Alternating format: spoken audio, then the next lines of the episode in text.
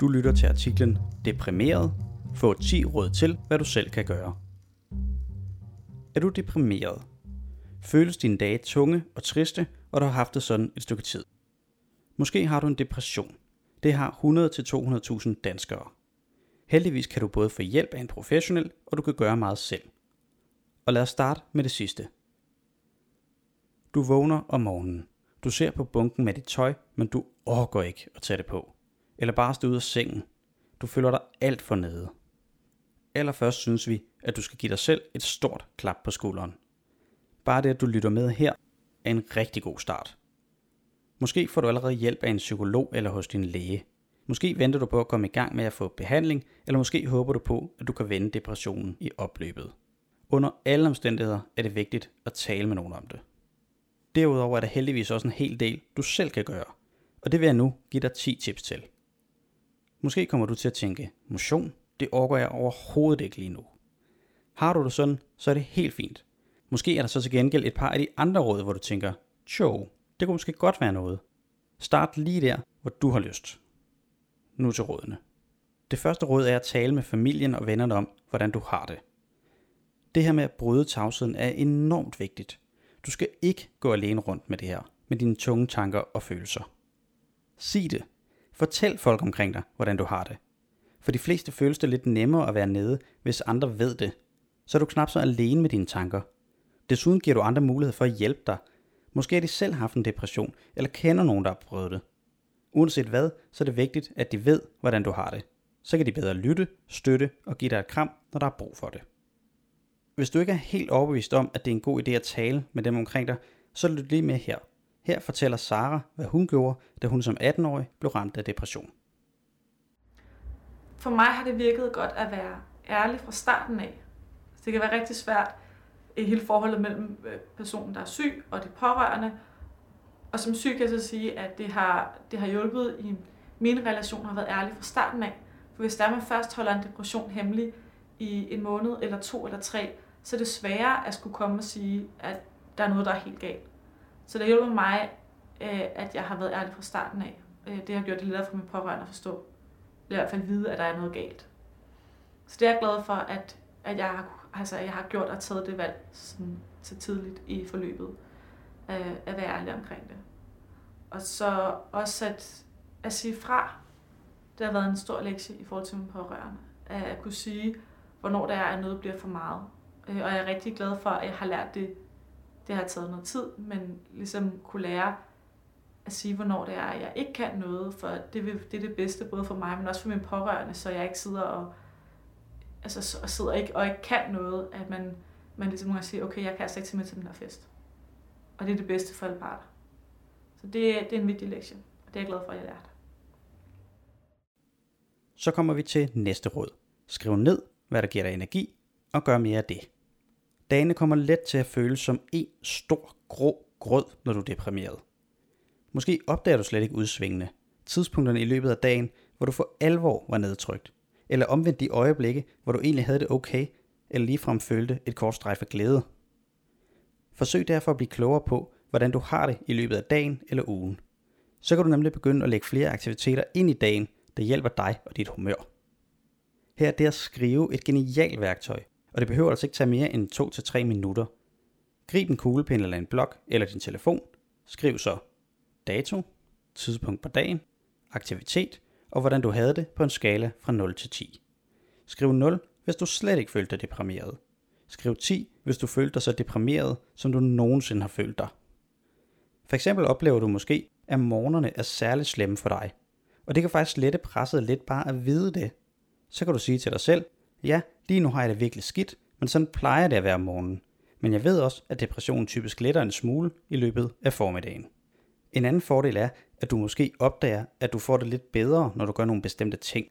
For eksempel taler i telefon med din veninde, eller gå en tur i skoven. Begynd i det hele taget at lægge mærke til, hvad der giver dig energi, og hvad der omvendt tapper dig. Og prøv så at finde mere plads til de gode ting. Råd nummer 3. Hold balancen ved at lave en plan for dagen. Vi har alle brug for balance i vores liv. Balance mellem de aktiviteter, der giver os energi, og ting, der bare skal gøres og ofte kræver vores energi. Balancen er ekstra vigtig, når du kæmper med en depression. Lav derfor en plan for din dag, og husk, at planen ikke er en stram tjekliste.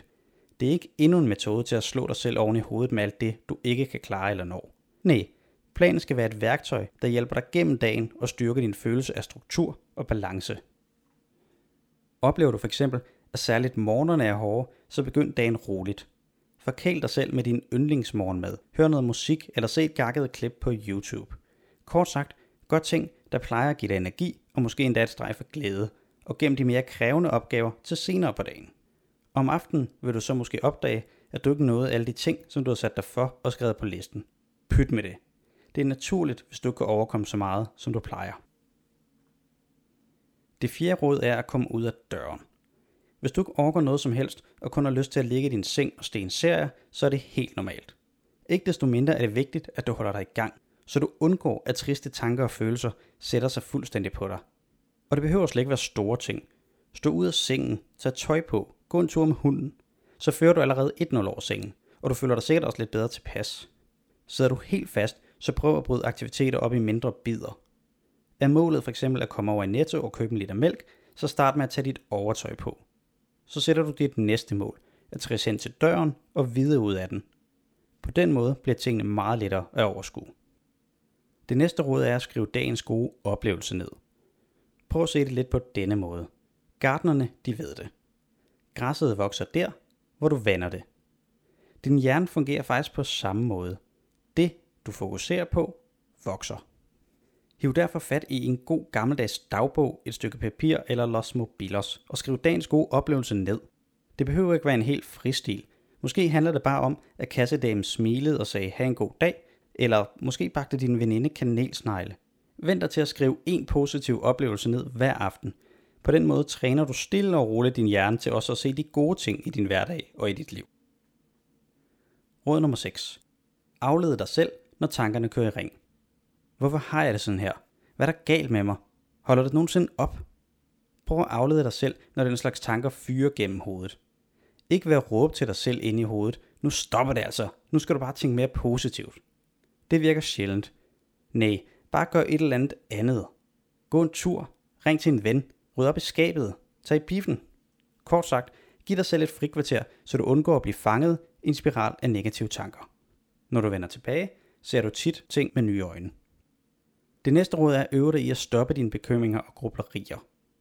Ingen slipper for bekymringer. Det er en naturlig del af livet. Mange med depression oplever imidlertid, at bekymringerne griber om sig, og at tankerne mylder rundt i hovedet dagen lang. Måske tænker du, men veninder snakker ikke til mig mere. Nok fordi de ikke længere kan lide mig. Sagde jeg noget forkert, eller hvorfor kiggede hun på mig på den måde? Heldigvis kan du øve dig i at skrue ned for støjen i hovedet, så tankerne ikke tapper dig for energi. Hvordan du gør det, har vi faktisk skrevet en artikel om.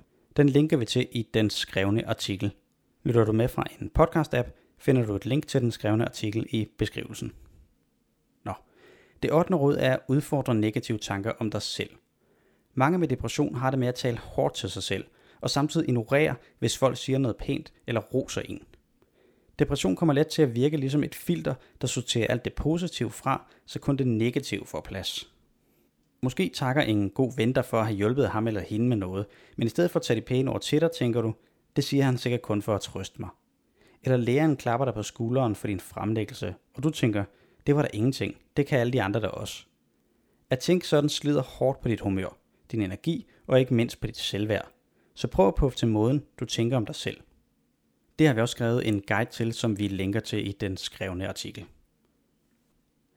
Det næstsidste råd er at holde fast i en god døgnrytme. Det er vigtigt, at du holder fast i et så normalt søvnmønster som muligt, når du har en depression. Pas derfor på, at du ikke sover hele dagen eller er vågen hele natten. Og stå meget gerne op og gå i seng på samme tid så mange dage som muligt. Også gerne i weekenden. Det tiende og sidste råd er at bevæge dig. Det er super godt at bruge kroppen, hvis du kæmper med en depression. Så løb en tur, smut i svømmehallen eller tag fiskestang på nakken. Noget, der er rart for dig, og tag gerne en ven med. Det gør det lettere for dig at komme ud af døren. Er du ikke helt overbevist, så hører lige de her tre fordele ved at bruge kroppen. Du får en god følelse af træthed, så du sover bedre. Du får for tunge tanker og følelser væk for en stund.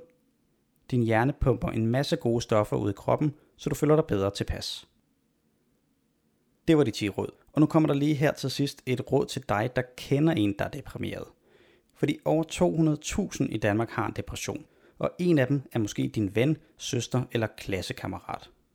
Og hvad gør du så lige, hvis det er tilfældet? Hvordan støtter du vedkommende bedst muligt? Her er et godt råd simpelthen at lytte. Lyt på, hvad vedkommende fortæller, og prøv at sætte dig ind i det. I den skrevne artikel slutter vi med en video, hvor Sara, du tidligere hørte, fortæller om, hvorfor det er så vigtigt, at man som pårørende lytter. Uanset om du har en depression eller kender en, der har det, så synes jeg, du lige skal gå ind og se videoen med Sara. I den skrevne artikel linker vi også til en række andre artikler, der måske kunne være nyttige for dig.